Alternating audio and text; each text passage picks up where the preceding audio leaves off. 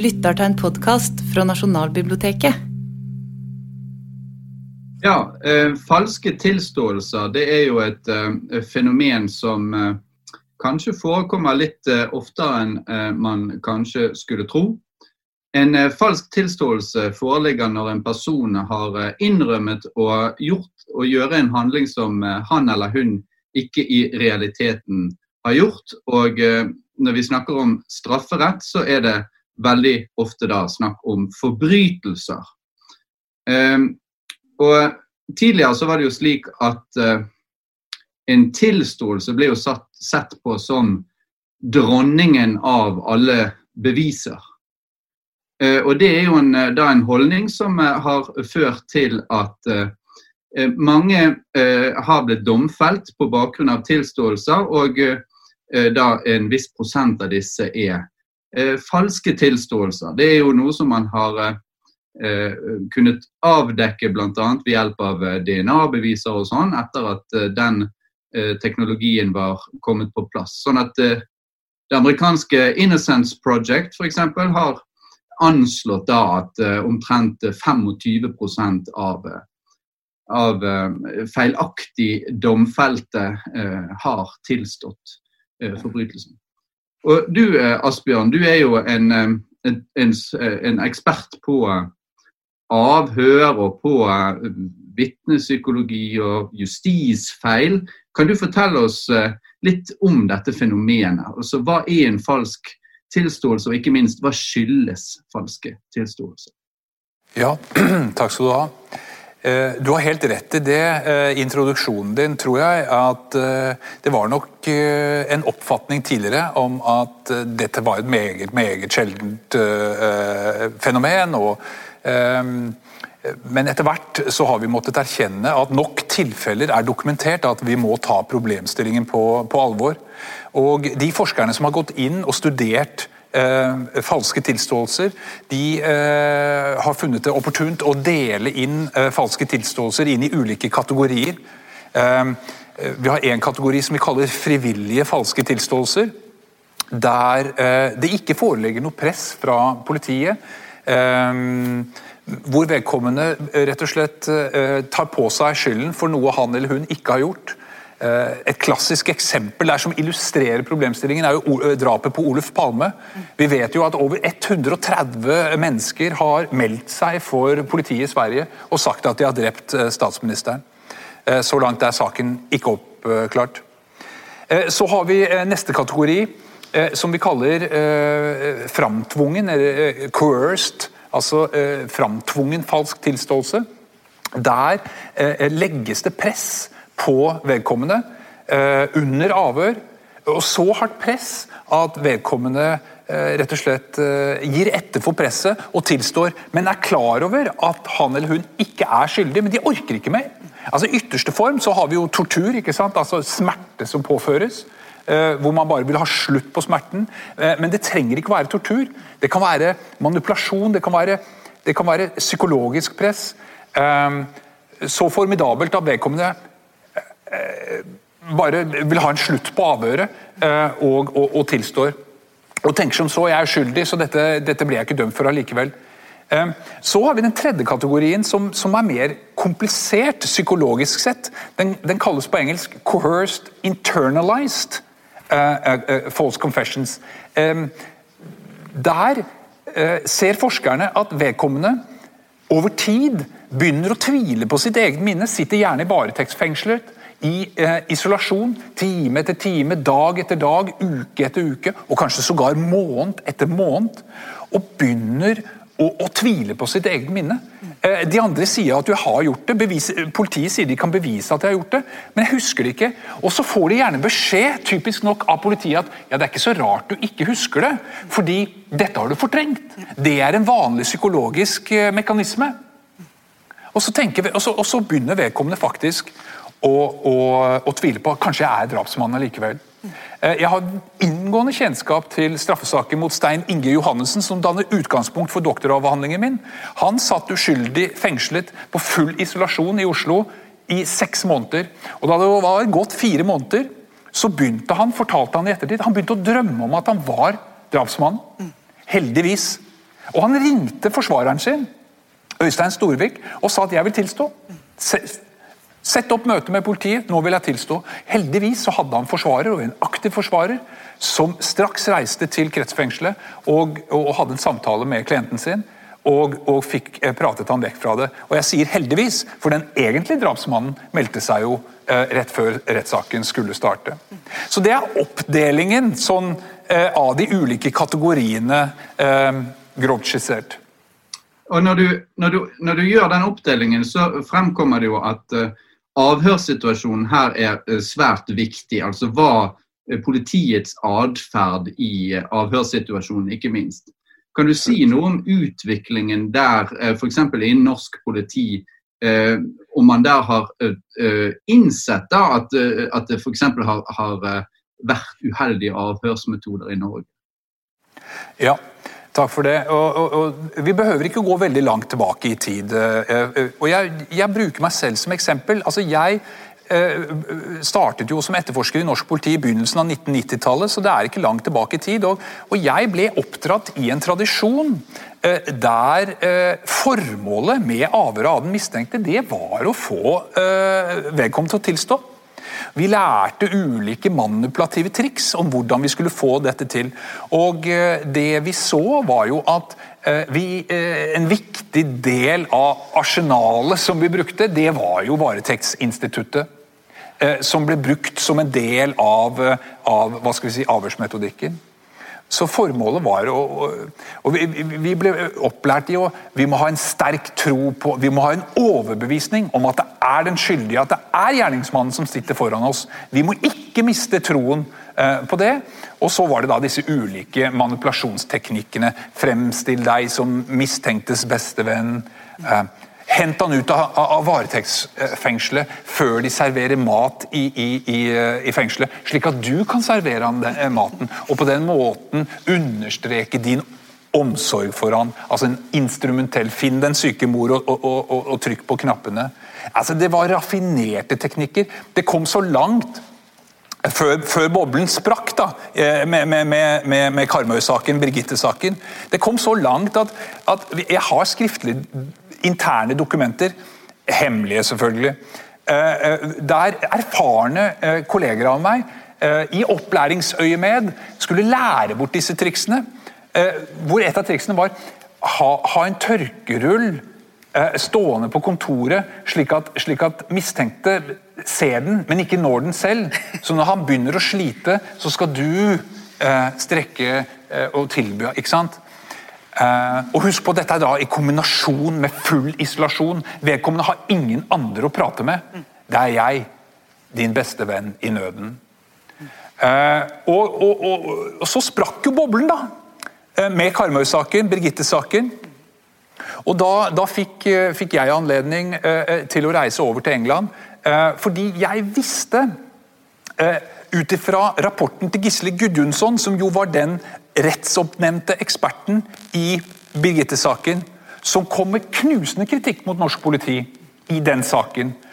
Han sa til domstolene, etter å ha intervjuet fetteren, etter å ha intervjuet min kollega, avhøreren Etter å ha gransket avhørene, så kom han med knusende kritikk og sa at norsk politi i denne saken har brukt manipulative, tilståelsesfokuserte avhørsmetoder. Og har dere ikke andre bevis, så må dere være meget forsiktige Eh, fortalte han dommerne, for denne tilståelsen kan være falsk. Og Jeg husker jo hvordan vi reagerte på denne professoren som kom til Norge og, og skulle fortelle oss ikke sant? Hvor mange avhør hadde han tatt? Hva visste han? Altså Det var den første holdningen. Men i rapporten hans la vi merke til, eller noen av oss, at han refererte til vitenskapelige studier om politiavhør og faren for falske tilståelser Eh, og Dette var kunnskap som vi ikke hadde hørt om i Norge på den tiden. Eh, så eh, reiste vi da til, til, til England, som hadde tatt et oppgjør med disse tilståelsesfokuserte avhørsmetodene ti år tidligere. Nettopp pga. en rekke hva skal vi si, Birgitte-saker eller Karmøy-saker på rappen. De hadde hatt flere av disse kjente rettsskandalene, gjerne tilknyttet terrorsakene der Birmingham, Six, Guilford 4 osv., hvor, hvor rettssystemet hadde omgjort domfellelsene fordi de så at tilståelsene som ble framtvunget, var falske. Så Britene var det første landet i verden som tok et oppgjør med de tradisjonelle avhørsmetodene, der formålet er å få den mistenkte til å tilstå. Norge var land nummer to i verden, faktisk. New Zealand fulgte etter offisielt. Og nå er det flere og flere land som innser at de må endre seg. Men vi må være klar over at de aller fleste eh, eh, eh politikolleger av meg rundt omkring i verden har ikke forlatt den tenkningen. Snarere tvert imot så er det jo dessverre slik at over 60% av mine kolleger rundt omkring i verden ikke bare anvender manipulasjon og psykisk press, men også fysisk eh, tortur. Eh, du nevner eh, Birgitte-saken, men eh, det har jo da etter at man fikk fokus på falske tilståelser og generelt sånne her ja, alle slags sånne true crime-saker som man har gravd frem i senere tid, så har det jo eh, også vært snakk om tidligere saker i Norge hvor eh, falske tilståelser kan ha vært eh, involvert. Og Du Simen, du har jo skrevet om denne Nesse-saken. Du holder på å skrive om Nesse-saken. Eh, og Også der er det vel slik at det der finnes en betydelig fare for at tilståelsene var falske. Kan du fortelle litt om det? Ja, så Jeg jobber jo med en bok om uh, Arnfinn Nesse-saken. Uh, det er jo ikke sikkert alle husker den, men jeg kan si kort at han ble dømt for 22 drap Eh, på eh, sykehjemmet, der han var bestyrer eh, med giftsprøyte. Og han ble da dømt på indisier. Dette var Norges største drapssak. Det er, vel fortsatt, hvis man ikke tar med terrorisme og sånn, største drapssak i, i fredstid. Det som Altså, jeg, jeg er jo ikke uh, på noen måte uh, gifta meg til noe teori eller noe side i denne saken. Jeg er mer en, en forfatter som uh, står overfor en, en, gåte da, som jeg forsøker å, å, å løse. Um, og uh, utgangspunktet mitt var egentlig ikke det. Altså, utgangspunktet mitt var at han er dømt, og, og han er skyldig i det han er dømt for. men jeg lurte på motivet. Um, hvorfor han hadde gjort det. Så, etter, etter, hvert som jeg begynte begynt å, å, grave i det her og jobba i, i, mange måneder og et år med det her, og, og leste gjennom avhørene osv., så, videre, så begynte jeg å stille mer og mer spørsmål ved det her øh, materialet. Jeg kom jo til for f.eks. han hadde tilstått å ha drept en person som han kjente til. visste denne, hvem denne personen var veldig godt. Og beskrev drapet da i detalj. Så undersøkte politiet den saken og fant ut det, det var umulig. Han kunne ikke ha gjort det drapet. Og de kom da med bilde av en annen person og foreslo kanskje det var eh, den i stedet. Og da sa han jo, jo, selvfølgelig, var, selvfølgelig var det henne. Det var henne jeg drepte. Så beskrev han også eh, drapet på henne. Og Da begynte jeg å stille flere, flere spørsmål ved hans tilståelser. Da viste det seg jo at det var flere eksempler uh, på noe av det samme. Da. Han tilstod ting, men han ble ikke dømt for det. Politiet trodde han ikke, eller det ble på en måte drapet ble satt over på en annen person. så han tilsto da 31 drap, men han ble dømt for 22. Eh, og da, For meg så ble det mer og mer interessant da, å, å, studere de ni andre som han ikke ble dømt for. Eh, eh, hva som lå der. Og da kom jeg jo etter hvert til at han I mange av disse tilståelsene så beskriver han en person. og han sier at han har drept det, men han husker ikke drapet. så Eh, han beskriver på en måte personen og situasjonen opp til drapet skjer, og så har han en antakelse for at det har sikkert skjedd sånn sånn. Um, og Da blir det liksom viktig etter hvert å finne ut er det, beskriver han i det hele tatt noen detaljer som knytter han til det drapet um, eh, knytter han til åstedet, da, som, som bare drapsmannen um, kan kjenne til. Eh, ja, så, så, så, så, der jobber jeg det eh, med å, å, finne ut det, og også finne ut på en måte hvordan eh, disse tilståelsene har utvikla seg eh, underveis. da. Mm. Altså, Er det sånn at eh, det har kommet til detaljer som han kanskje har fra andre? Og så blir jeg mer og mer interessert i på en måte det her som, som du forteller om, at det, det er noen som etter hvert begynner å tro de har gjort ting som de kanskje ikke har gjort. da. Mm. Um, at de rett og slett uh, Og det er, det er, egentlig um, Uansett om han har skyldig eller ikke, så er det helt tydelig at han uh, blir veldig skeptisk til sin, sin egen hukommelse. At han uh, begynner å stille spørsmål ved sin egen hukommelse. Um, og så kommer det da etter at han, han, har tilstått disse 31 drapene, så kommer han da til det går noen måneder, og så trekker han alle unntatt tre. Og da viser det at de tre er egentlig også bedre Har flere detaljer, da. Kan jeg få stille deg et spørsmål? Fordi Det som man da tar seg og lurer på, er jo hva Hvordan er det med de tilståelsene der man ikke gikk ut fra at han hadde gjort det likevel? Altså Finnes det noen alternativ forklaring på disse dødsfallene? Um, det som gjelder egentlig alle disse dødsfallene, er jo at det er gamle og syke mennesker. Um, og i samtlige tilfeller så um, så er det altså folk som kunne ha dødd likevel. Og det gjør jo også saken så vanskelig, ikke sant? fordi du kan aldri helt uh, slå fast uh, hvorfor noen dør, og hvorfor mm. de dør på et bestemt tidspunkt. Mm. Um, og siden det heller ikke er uh, noen som har, har, sett altså Man kan ikke bevise at det er satt en sånn sprøyte.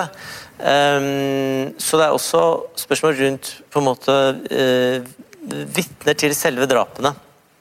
Um, og um, ja, fordi man ikke kan bevise denne eh, giften han brukte. Da. Man kan ikke spore den i kroppen osv. Jeg skjønner. Mm. Eh, eh, denne saken, uh, når det gjaldt selve tilståelsene, den endret seg jo etter at uh, Nessa hadde fått forsvarsadvokaten Alf Norhus på saken. Da gikk han fra å ha tilstått en hel haug med drap til å trekke alle tilståelsene, altså før rettssaken. Og Det bringer oss jo videre til forsvarsadvokatens rolle her. Kan jeg bare si noe til det? Ja. For det, det er nemlig en myte. Fordi øh, det stemmer ikke. Altså, han trakk, trakk seg på dette øh, i god tid før Alf Norhus kom, kom inn i bildet. Men det der er noe som har vært sagt liksom, år etter år. At det var Norhus som kom inn i bildet, og da endra alt seg. Men den, jeg tror ikke den altså Sånn som jeg leser det, så så er det ikke noen sånn årsakssammenheng der.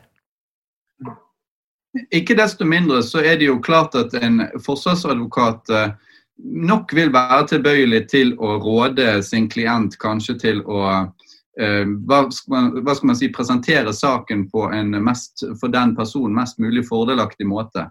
Eh, hvordan mener du, Katrine, som er forsvarsadvokat, at forsvarsadvokaten kan spille inn med hensyn til å unngå da falske tilståelser? Ja, jeg håper jo at vi kan bidra, for det er jo virkelig en katastrofe hvis vi ikke klarer å oppdage at det er noe sånt som er på gang. Eh, og jeg tror det er en stor forskjell fra før at nå er det veldig viktig med tidlig forsvarerbistand. Altså En del av disse gamle sakene så kom forsvareren først inn når det forelå en tiltale og det skulle være rettssak. Mens slik det er nå, så får vi, vi får også betalt helt fra en person er pågrepet. Og vi møter eh, siktede med en gang de kommer inn i arresten, før de skal i avhør, hele veien. Det er på en måte clouet. Eh, og da er det sånn som Raklev beskrev denne alliansen som ellers kan danne seg da, mellom politi og sikte. Den vi jo, kommer vi jo inn imellom. Altså vi, vi skal være deres nærmeste person. Mm. Eh, og Vi skaper et rom hvor de kan snakke uforstyrret, og hvor de på en måte kan opprettholde Hvis de har en annen versjon og en annen virkelighetsoppfatning enn den politiet mistenker, så kan de opprettholde den. Vi er på en måte ikke en som mistenker dem for noe. Eh, vi er deres talsperson. Og ikke minst så er det liksom viktig å prøve å finne ut hva slags menneske er nå dette. Eh, vi skal også fraråde dem å gå i avhør hvis ikke de er i stand til det. Altså Hvis de er slitne i arresten, hvis de er forvirret av isolasjon, hvis de virker helt ute av balanse. Så det, altså det må vi være, og det er jo Man må komme ned i arresten på kvelden, må være der på være rundt dem tett. Altså, og ikke minst når de er i isolasjon, fordi da er de så sårbare. Eh, men så er det jo klart at eh, for oss, vi er jo også slik at hvis det kommer en tilståelse på et tidspunkt, så det er jo veldig vanskelig. Altså For oss så er det jo også da slik at vi tenker ja, nå er vel sikkert saken løst. Det er jo menneskelig å tenke det. Mm. Sånn at eh, det er lett å slappe litt av, da. Ja, nå slipper jeg Nå vet vi alle hvordan dette var. Men mm. så må vi jo i hvert fall vite om at falske tilståelser forekommer. Mm. Eh, og se etter faresignalene. Og, og så må vi, sånn som Sætre beskrev også, altså vi må være obs på disse detaljene. altså Stemme virkelig forklaringen med andre detaljer, og ikke tenke at alt skal harmoniseres. altså at Er det noe som er helt feil, så må vi ta det på alvor. Men det, det er ikke så lett. Og dette med, dette med, isolasjon har jo vært et stikkord også tidligere, det Asbjørn har snakket om. Og det var jo et særlig eh, påfallende element ved tilståelsen i eh, Tengs-saken. Eh, eh kan du eh, Asbjørn, fortelle litt om hvordan den tilståelsen der kom i stand, og, og omstendighetene rundt, rundt, dette mer generelt? Ja, det skal jeg gjøre. Eh, jeg vil bare eh, først eh, knytte noen kommentarer til forsvarerrollen. Fordi De som studerer falske tilståelser og problematikken der, de, de forskerne kom jo med tre hva skal vi si, hovedanbefalinger for å forebygge falske tilståelser. og Det, det er jo nummer én forsvarer til stede. Mm. Nummer to lyd- og videoopptak. Og nummer tre eh, ikke noe rangering av dette nødvendigvis, men altså at politiet anlegger moderne, forskningsbaserte eh, eh, avhørsmetoder og kvitter seg med de tilståelsesfokuserte avhørsmetodene. Mm. Um, så, men det har jo en litt sånn artig Uh, artig er det ikke, men, men, uh, men relevant. Uh, beskjed fra innsiden. altså Disse tidligere hemmelige skrivene som jeg fikk tilgang til som innsideforsker eh, fra gamle dager, eh, på 90-tallet altså i Norge, eh, så lærte jo vi teknikker fra våre eldre kolleger om hvordan vi skulle få forsvareren ut av rommet. Nei, ja. hyggelig at du sier det. Så, eh, fordi forsvareren sto jo liksom da imellom eh, oss og tilståelsen, da. Eller iallfall de metodene vi kunne bruke for å nå vårt mål. Ehm, jeg vil bare presisere at siden 2001 så har vi da eh, eh, nye avhørsmetoder hvor vi nå helt klart og tydelig sier at det er en, det er en fordel å ha en forsvarer til stede eh, under politiavhør. Og at vi kan aktivt som politi bruke forsvarerens kompetanse til stede.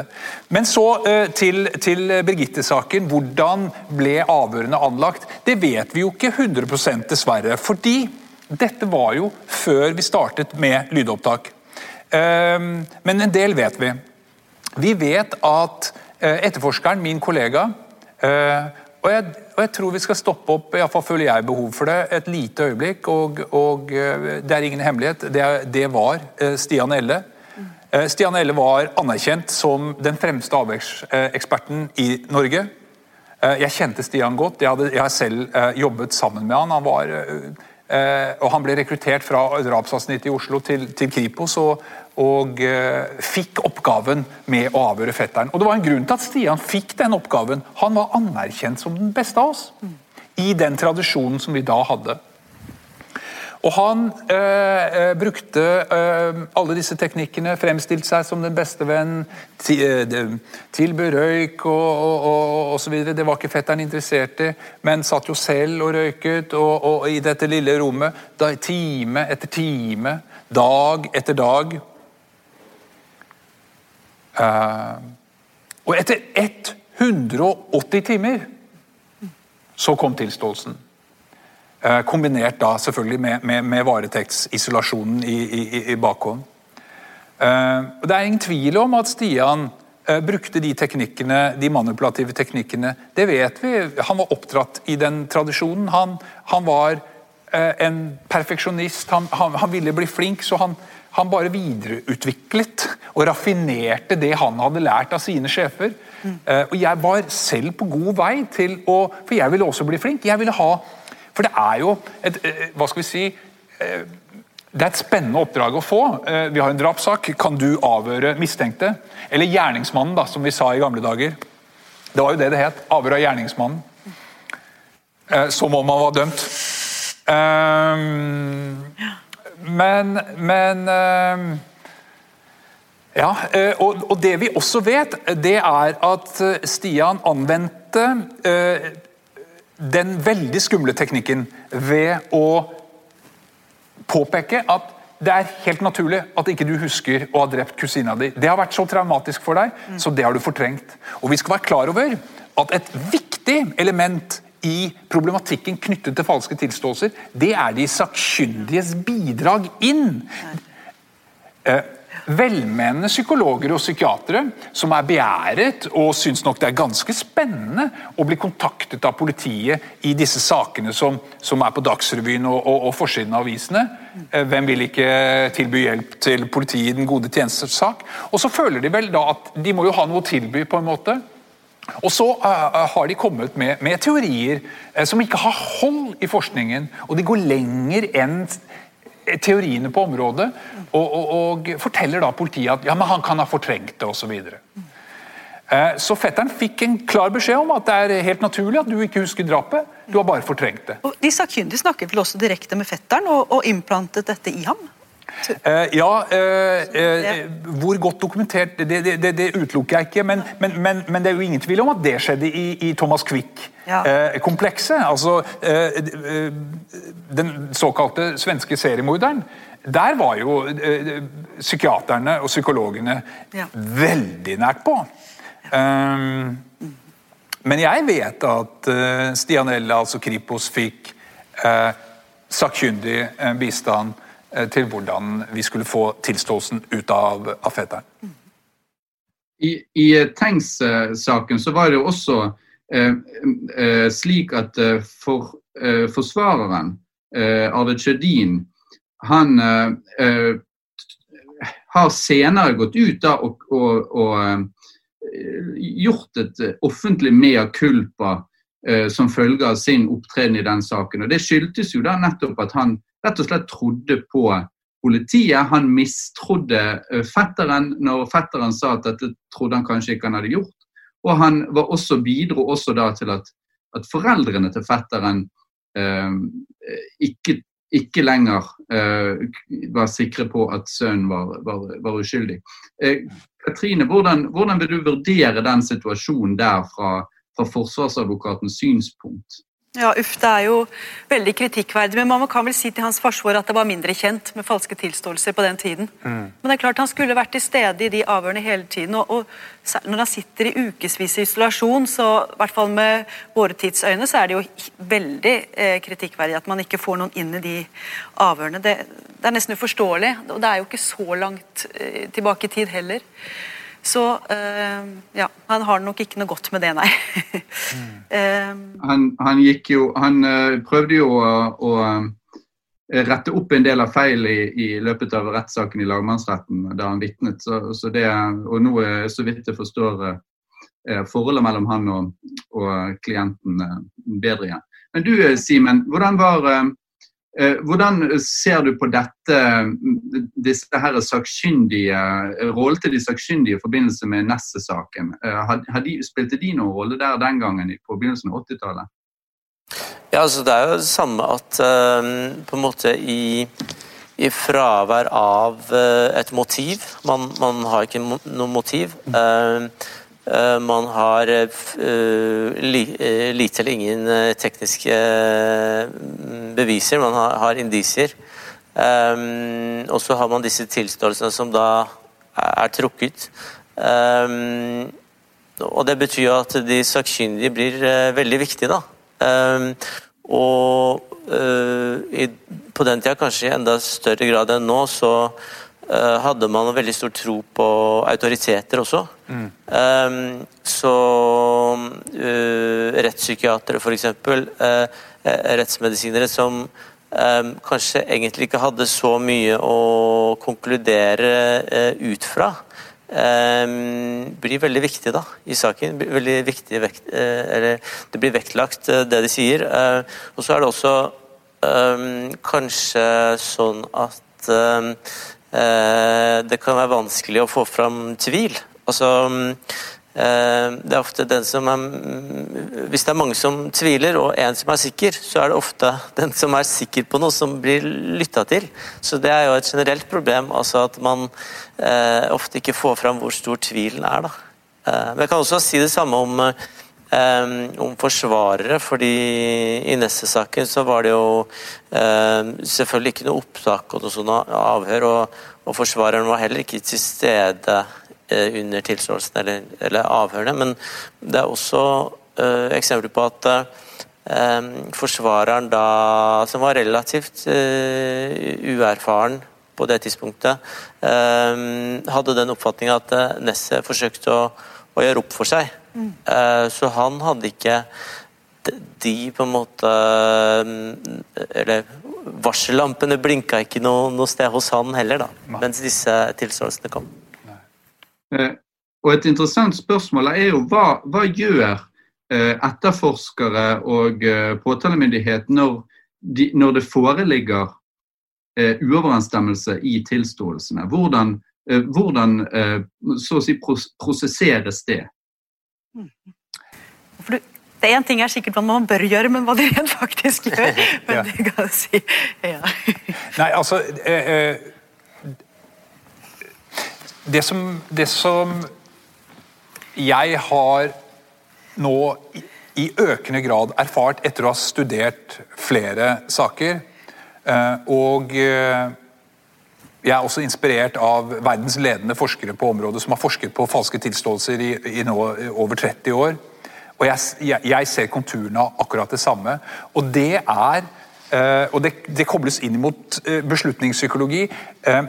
Du, du, innledet jo med sant, dette at tilståelsen var, eh, og kanskje fortsatt er, eh, bevisenes dronning. Og det vi ser i saker der mennesker beviselig har tilstått falskt, det er at etter at den falske tilståelsen er kommet, så plutselig så starter alle andre bevis mm. eh, å tilpasse seg tilståelsen. Eh, Vitner endrer plutselig nyanser i sine forklaringer. Til og med sakkyndige av kriminaltekniske undersøkelser plutselig endrer karakter. Og, og, og, og, det som skjer, det er at det er en overbevisning om skyld. Og da må det jo finnes en forklaring til at eh, ja, dette fingeravtrykket eller denne blodprøven eller dette vitnet må ha sett feil. Og Så går man inn og avhører det vitnet, og så får man bekreftet at ja, eh, det kan hende at vitnet tok feil. Hun erkjenner det nå. Eh, så I min doktoravhandling om justisfeil så har jeg et eget kapittel som heter 'Kan ikke utelukke at'. Nemlig at politiet og andre leter etter informasjon som bortforklarer eh, motstrid. Det er mennesker veldig flinke til. Det er en menneskelig mekanisme som vi lever veldig godt med i vår sosiale hverdag. Alle vi er avhengige av disse ubevisste kognitive forenklingsstrategiene som hjelper oss å holde orden på ja, hvordan vi opplever verden og hvordan vi oppfatter omgivelsene. Og informasjon som ikke passer inn i det, det er ubehagelig for oss. Eh, det, det, det skjer faktisk altså, eh, nevrobiologiske eller i, i hjernen som, som, som, utskiller stoffer som, som, gjør at vi føler ubehag. Men når vi mottar informasjon som bekrefter eh, vår oppfatning av hvordan verden henger sammen, ja, så får vi belønning. Eh, som å ta seg et glass vin på fredagskveld. Vi blir, vi blir belønnet. altså det, det, Dopamin eller hva det er. Så det som skjer i en straffesak, det er altså at når det foreligger en, en, en tilståelse, enten er sann eller usann eller falsk, så plutselig så begynner annen informasjon å Men jeg vil understreke at dette nok først og fremst skjer i de straffesakene der den falske tilståelsen passer politiets teori. Eh, for vi hørte jo, Jeg nevnte jo innledningsvis at 100, over 130 mennesker har tilstått å ha drept Oluf Palme, men vi har jo ikke trodd på det. Eh, de er lett å sjalte ut, men hvis, hvis den falske tilståelsen passer oppfatningen til politiet, og eh, da blir det skummelt. Men det er, det er fristende å på en måte uh, henne litt, fordi uh, jeg er veldig interessert i denne true crime-sjangeren. ikke sant? Mm. Um, 'Making a Murder' og, og så, sånn type uh, filmer. Og, og, og, der kan det jo også skje motsatt vei. da. Hvis man begynner å, å tro at uh, noen kan være uskyldig dømt, så kan man gå på eh, vitnet og spørre ja, er du sikker på det du sa den gangen. Kanskje det var så, annerledes likevel? Jo, selvfølgelig. ja, Det kunne vært annerledes. Jeg husker jo ikke det. Um, så man kan også tilpasse et sånn mønster. Um, og det er jo sånne bekreftelsesfeller som, uh, som man også skal være veldig uh, um, på vakt overfor, også i sånn true crime-arbeid. Uh, Absolutt. Mm. De er like lumske for journalister og, og, og si, forsvarsadvokater som ja. ønsker en gjenopptakelse. Så, så, så, det er et veldig godt poeng. Mm. Ja, det, det, er jo også en, det er jo også en hva skal man si, en, en naturlig intuisjon eller en slags common sense-oppfatning at folk ikke, ikke innrømmer å, å, ha gjort noe de ikke har gjort. I alle fall ikke alvorlige uh, forbrytelser. Og, og, og da, da, da, er det fristende å ta opp, uh, opp en annen sak som er litt eldre Eh, enn de vi har snakket om så langt, nemlig eh, den såkalte Hollekim-saken, som var veldig eh, spesiell. da. Og hvor også denne forsvarsadvokaten Alf Nordhus var, var, involvert. Og hvor han hadde en meget spesiell forsvarsstrategi. da. Det som var saken, det var jo at Sigurd Hollekim var blitt tiltalt noen år senere enn, enn i forhold til når det antatte drapet var begått. da, det var drap på en, eh, en viss Astrid Årdal, som var frisør. Eh, som, men som bare egentlig var forsvunnet, så det, det forelå ikke noe lik. Eh, men en, en, del år etter at hun var forsvunnet, så ble denne Sigurd Holliken da tiltalt. Og straks han ble avhørt, så la han alle kortene på bordet, som, som han sa da. Og, men etter at Alf Nordhus kom inn i saken, så trakk Nei, det var det ikke slik at Hollikim trakk tilståelsen. Det som skjedde, det var at Nordhus trodde ingenting på denne tilståelsen, så han prosederte på frifinnelse til tross for at Sigurd Hollikim sto på sin tilståelse. Og det endte da med frikjennelse som følge av rett og slett at det var for mange uoverensstemmelser i saken. Eh, og eh, Katrine, hva, hva syns du om en slik strategi? En, en sånn type strategi i det hele tatt tenk, bar i dag?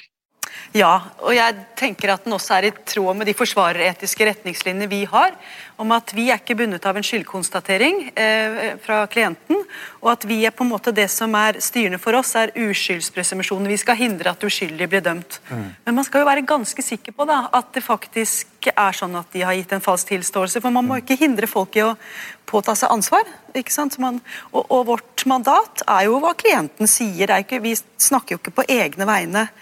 Men det er klart at hvis du får en veldig sterk opplevelse at dette er feil ut fra ja, sakens bevis, sånn som Nore som har fått, så tenker jeg det er riktig.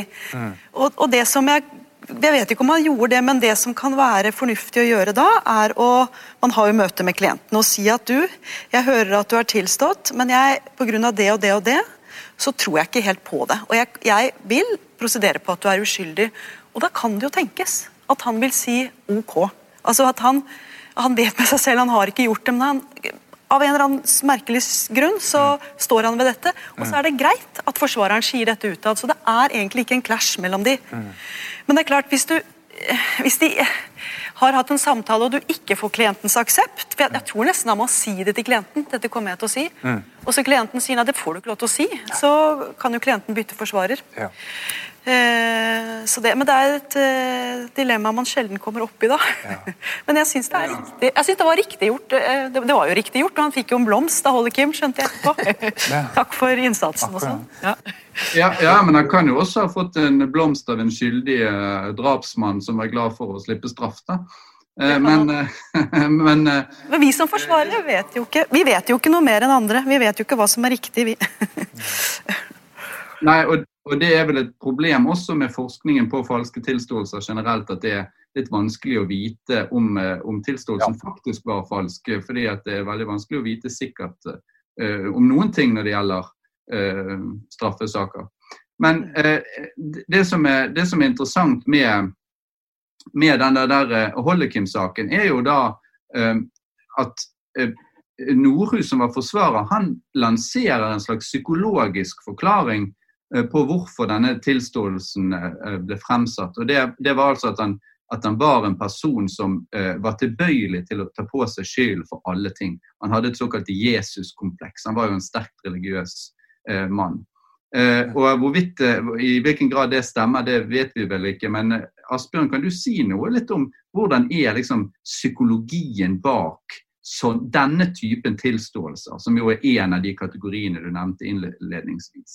Ja, altså den, den, den såkalte da frivillige eh, eh, falske tilståelser. Eh, men det fins nyanser innenfor den også. La oss se på eh, straffesakene og prosessene mot, mot eh, Sture Bergwall, eller tidligere Thomas Quick, som jo med bakgrunn i sine falske tilståelser klarte altså å villede hele rettssystemet vårt. Eh, proppfull eh, av narkotika, eh, sponset av staten. Eh, Syv ganger på rad med, med sine falske tilståelser. Eh, spørsmålet er var det en frivillig eh, falsk tilståelse, eller var det vi som tilbød han medisin og, og terapi og ikke sant? Altså, eh, så, så, så det er nyanser innenfor denne kategorien også. Hvor frivillig var det egentlig på en måte når du står overfor et, et, et, et sårbart menneske? Eh, men, men eh, det vi har sett eller det, det, det, hovedreglene er på en måte at det er ikke sikkert at motivet til vedkommende egentlig er så enkelt for oss å forstå. Fordi det er ikke rasjonelt, så det er vanskelig. På, men, men, for vedkommende så, så, så, framstår det som rasjonelt. Det vi vet at Noen bærer rundt på en, en sånn generell følelse av skyld. Ja. Eh, en sånn veldig eh, skyldfølelse for alt. Vi hadde en, en eh, ikke kjent, eh, eh, men mm, eh, sak i Oslo politidistrikt hvor en tilsto å ha drept flere på et eldresenter. Eh, det ble ikke noe stor sak av det, for det ble oppdaget at det var, det var ikke riktig.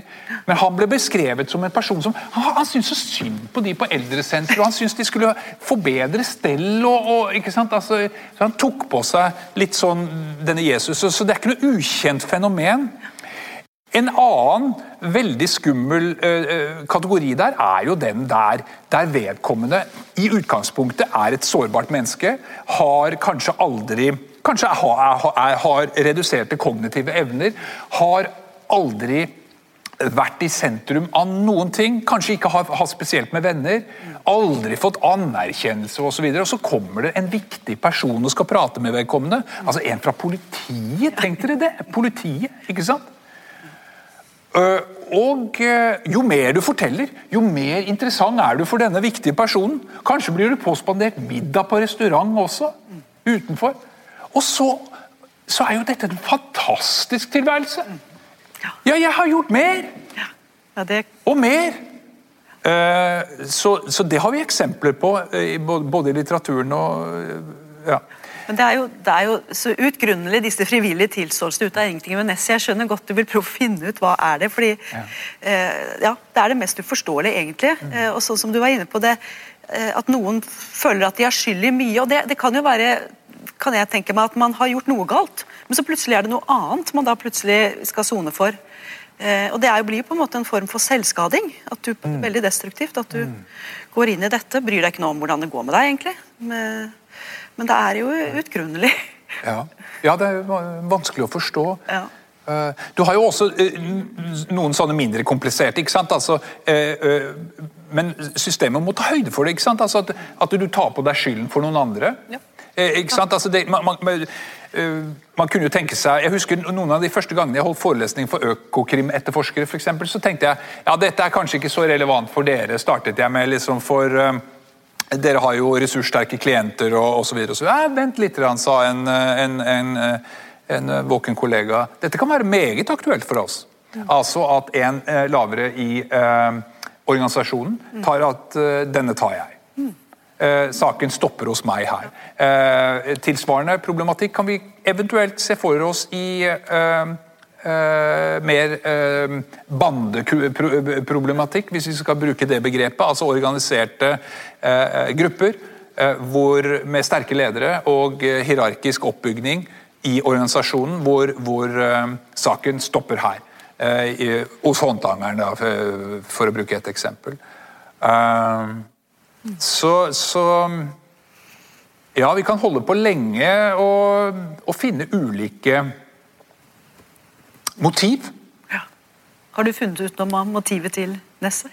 Eh, motivet til Mm, Nei, altså det er jo Det setter meg på en måte litt tilbake, fordi jeg hadde jo tenkt å se om jeg kunne finne motivet, men nå må jeg først på en måte finne ut om man er skyldig. skyldig. Eh, så så jeg har på en måte tatt et steg fram og to tilbake. Ja, det er det. Men det er jo altså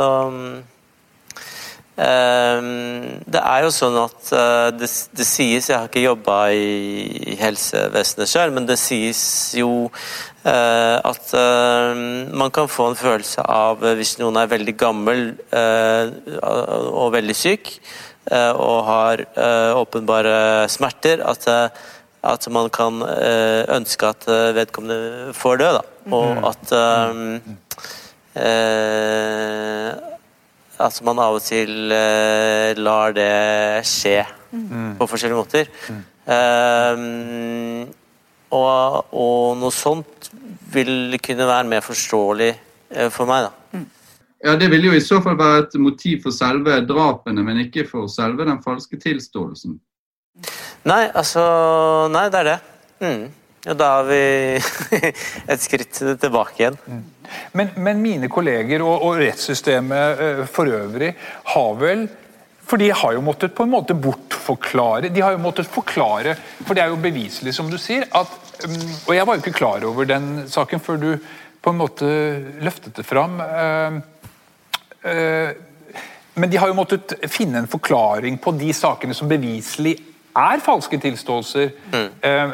Men, men en, en plausibel forklaring der har vel da kunnet være at han har begått så mange eh, drap at, at eh, de rett og slett sklir over i hverandre, og at man husker litt feil. Liksom. Var det mandag, eller var det forrige mandag, eller mandag altså. Ja. Og, så, og det er jo sånn man har tenkt, ikke sant? at det, det akkumuleres. Eh, eh, hvis, hvis man nå avhører han om et eh, nytt drap, så vil han da kunne si ja, det skjedde sikkert sånn, for jeg gjorde det alltid sånn. Eller det skjedde sikkert sånn som det forrige. Um, og da, da tenker man at eh, Eh, at ja, er selvfølgelig. Han har jo sikkert drept eh, 25 eller hva det er, og man kan ikke regne med at eh, han eh, husker alle. De glir vel- over i hverandre. Det har vært mange mennesker eh, involvert. Så, og det kan man på en måte heller ikke helt eh, utelukke, da. Men eh, det er jo da rart eh, så at han da beskriver et menneske i detalj, som eh, også eh, blir omkalt som eh, eh, kjæresten hans i hermetegn. og Han beskriver at eh, han dreper henne, og så eh, viser det seg å være feil. da. Eh, men så kan man igjen si eh, ja, kanskje han løy den dagen, og snakka sant andre dager. Eh, Vi, vi må snart eh, avslutte denne veldig interessante samtalen, men jeg er nødt til å av, eh, Jeg brenner litt inne med ett spørsmål. og Det er dette som jeg har vært snakket om flere ganger, og som, og som da særlig angår den der Sture Bergwall eller Thomas Quick-saken. Og Det er jo dette med fortrengning. altså det at de sakkyndige hevder at, at, du kan ha rett og slett glemt, og her var det jo snakk om en haug med, med, med drap. Finnes det noe vitenskapelig belegg for at, at, folk glemmer sånne ting? Jeg mener, Det er jo ikke en vanlig erfaring. Vi, vi, vi husker jo, vi husker jo de, de, de, verste tingene som, som, vi har vært med på i livet. Liksom, eller de mest øh, oppsiktsvekkende tingene vi har vært med på. Finnes det i det hele tatt noe belegg for å snakke om fortrengning i sånne saker? Nei, det Nei, altså Det korte svaret på det eh, i en lang debatt Det har jo vært en enorm debatt, eh, ikke minst da særlig i USA, hvor, hvor eh, Elisabeth Lofthus eh, tok et oppgjør eh, Forskeren, psykologen, men først og fremst forskeren eh, Elisabeth Lofthus tok et oppgjør med den myten om at slike ting kunne fortrenges, som, som Eh, forskning viser, helt riktig som du sier, at problemet er vel snarere at man aldri glemmer traumatiske opplevelser. Eh, vi husker hvor vi var da vi fikk dødsbudskapet. Eh, vi husker hvor vi var når det inntraff traumatiske hendelser. Så forskningen på området kort fortalt sier at nei, det er ikke noe vi fortrenger. Snarere tvert imot. Det er noe vi har problemer med å glemme, selv om vi skulle ønske at minnene ikke uh, strømmet på. Uh, så det, det, det, det, er den korte uh, versjonen. Og det er svært viktig, fordi det er terapeutiske miljø blant enkelte klinikere som holder fast ved hva skal vi si, gamle, eldre, utdaterte freudianske teorier om at mennesket har en slik fortrengningsmekanisme, og at den er så sterk. Eh, men forskere som studerer det fenomenet, kort fortalt, eh, sier at slik fungerer ikke minnet vårt. Nei. Eh, går det an helt til slutt å si noe om, og kan, det kan alle få kommentere raskt, går det an å si noe om hvor omfattende dette problemet med falske tilståelser er eller, eller er, det, er, det, rett og slett et eh, slags uh, mørketall i, i rettshistorien? Ja, det er vanskelig å si i rettshistorien. Vi håper i hvert fall nå at liksom betingelsene er litt annerledes. Bedre avhørsmetoder, forsvarer inn osv. Men sånn som Asbjørn forklarer det, det er jo ikke alltid at politiet gjør gjør det slik de skal. Mm. Det skjer at de tar inn 15-16-åringer, setter i gang avhør, eh, med avhør. Altså, det skjer ting som ikke er helt etter boka. Mm. Men jeg har egentlig ikke i min over 20 år i praksis tenkt at jeg har vært med på det, uten at det, det kan jeg ikke vite. Mm. Så jeg, ja. Det nærmeste man har, er vel eh, eh der det har vært eh, DNA-bevis. Eh, mm. Som Altså, hvis, hvis, den teknologien ikke hadde fantes, mm. så hadde man vel kanskje aldri kommet så langt mm. uh, og funnet ut det man kan i, i dag. Mm. Ja, det, det, er helt riktig. Uh, du nevnte jo og innledet jo med The Innocent Project i USA, som, som jo uh, jobber med gjenopptakelsessaker der det foreligger DNA fra gjerningsmannen. Mm. Eh, som da viser seg ikke å stemme med den som er dømt. Og, og hvor da ca. 25% av de har eh, tilstått.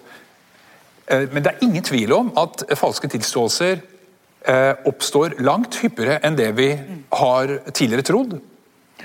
Jeg gjorde en undersøkelse blant drapsetterforskere i Oslo politidistrikt. Der svarte halvparten at de i løpet av gjennom sin karriere hadde opplevd en falsk tilståelse.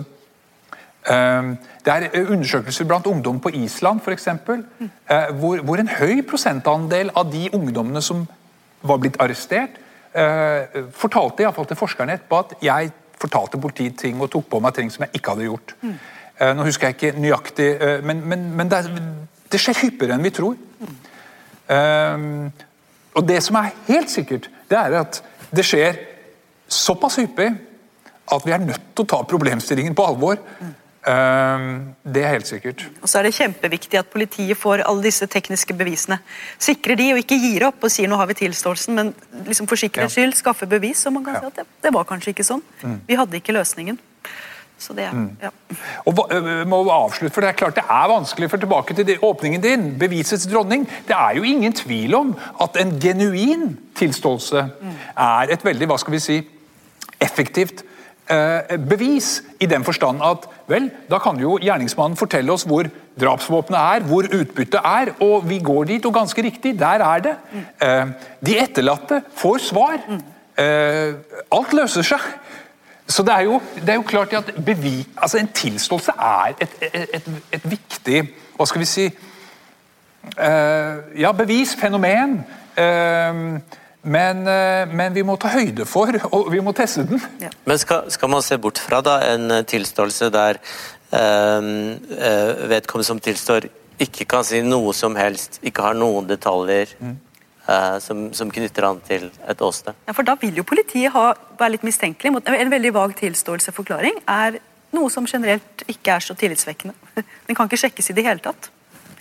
Nei, altså det, det heter seg jo at en tilståelse skal ikke og kan ikke stå alene.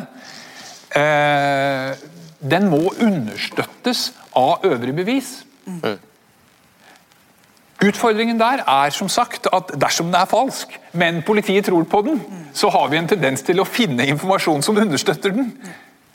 Eh, men uh, Men uh, en, ingen skal dømmes ene og alene på sin tilståelse. Det er jeg skeptisk til. Da tror jeg at vi avslutter denne samtalen. Eh, og da gjenstår det bare å takke panelet. Og eh, håpe da at eh, dere som har sittet hjemme og hørt på oss, har fått noe ut av dette og har lært noe om falske tilståelser. Og har lært seg kanskje òg å bli litt skeptisk til saker hvor eh, tilståelsene har eh, uoverensstemmelser eller blir tillagt for stor vekt. Takk for oss fra Nasjonalbiblioteket i denne omgang.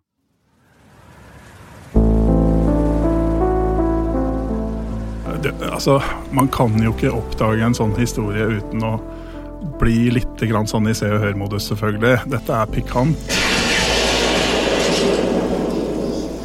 Rett på! Samlingene til Nasjonalbiblioteket så finnes det spor etter et helt hav av dunkle drama og glemte liv fra Norges historie.